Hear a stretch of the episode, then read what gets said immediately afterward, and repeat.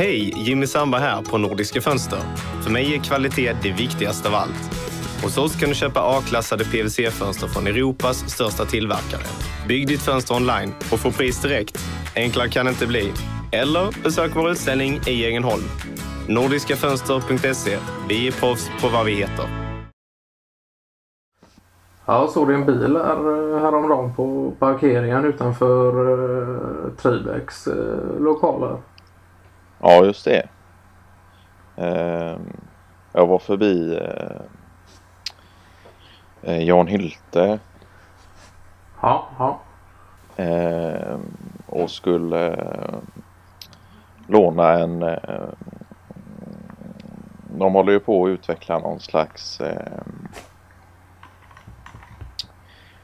Eh, eller det är egentligen inte, inte Ja. vad sa du? Ja, de har gått över enbart till att hålla på med emballageteknik nu då eller har de kvar sin? eh, Ja, precis. Det har de, ja. Ja. Eh, och i och med att jag hjälper dem med vissa av deras eh, de får ju prover skickade till sig då Ja, på material och, och storlekar och, och olika vikter och, och stöttålighet och så. Och så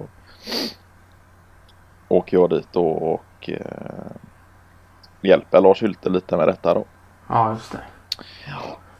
Eh, och, och eh, det är ju framförallt eh, stöt, stöttålighet då som de Ja, har haft lite ja. problem med då. Ja. Det är sådana här, ja just det, med olika fodersinstoppningar då i bland annat väs- resväskor och dylikt. ja, precis. Men det är allt från eh, Det- bubbelplast till uh, wellpapp också då eller? Ja, i princip. eh, I princip all, all emballage du kan tänka dig då. Eh, Nu ska de ju expandera också då så det är ju Men det är ju framförallt innanmäten då snarare än själva ehm, Ja just ut, det. ut eh, Ja. vad är det? Ja, snarare själva utsidan på en resväska då så är det innanmätet och eh, fodringen då som de eh, hörde de har gått in mycket för att jobba på det här med svinn också. Att det ska bli så, mycket, eh, så lite svinn som möjligt då utav Ja. ja. material då. Ja, precis. Det har ju kommit någon ny sån eh, ett nytt certifikat då från eh, eh, vad är det det heter? Miljö, eh, miljöförvaltningen då. Om att vissa företag som jobbar mycket med eh, plast och, och wellpapp och, och sånt då som Trivex gör. Eh, att det ska vara så lite svinn som möjligt då. Då ska man vara under, eh, komma under eh, fy- 4 procents eh, svinn då. Ja just det. Så det, det arbetet är ju, ju Lars också insatt i då. Ja, ja La- Lars Björka det här ja just det. Ja, precis. Men det har han varit länge. Han har på med olika, eh, jag har förstått det som, eh, inte jag så insatt i Lars Björkes eh, arbete så, men att det är mycket kalkylering och, och, och kolla just på mängd material och vad, vad som behövs och, och vad som går åt och sen eh, kanske mer och mer eh, nischat sig på de senaste åren då med just svinnet då. Ja, precis.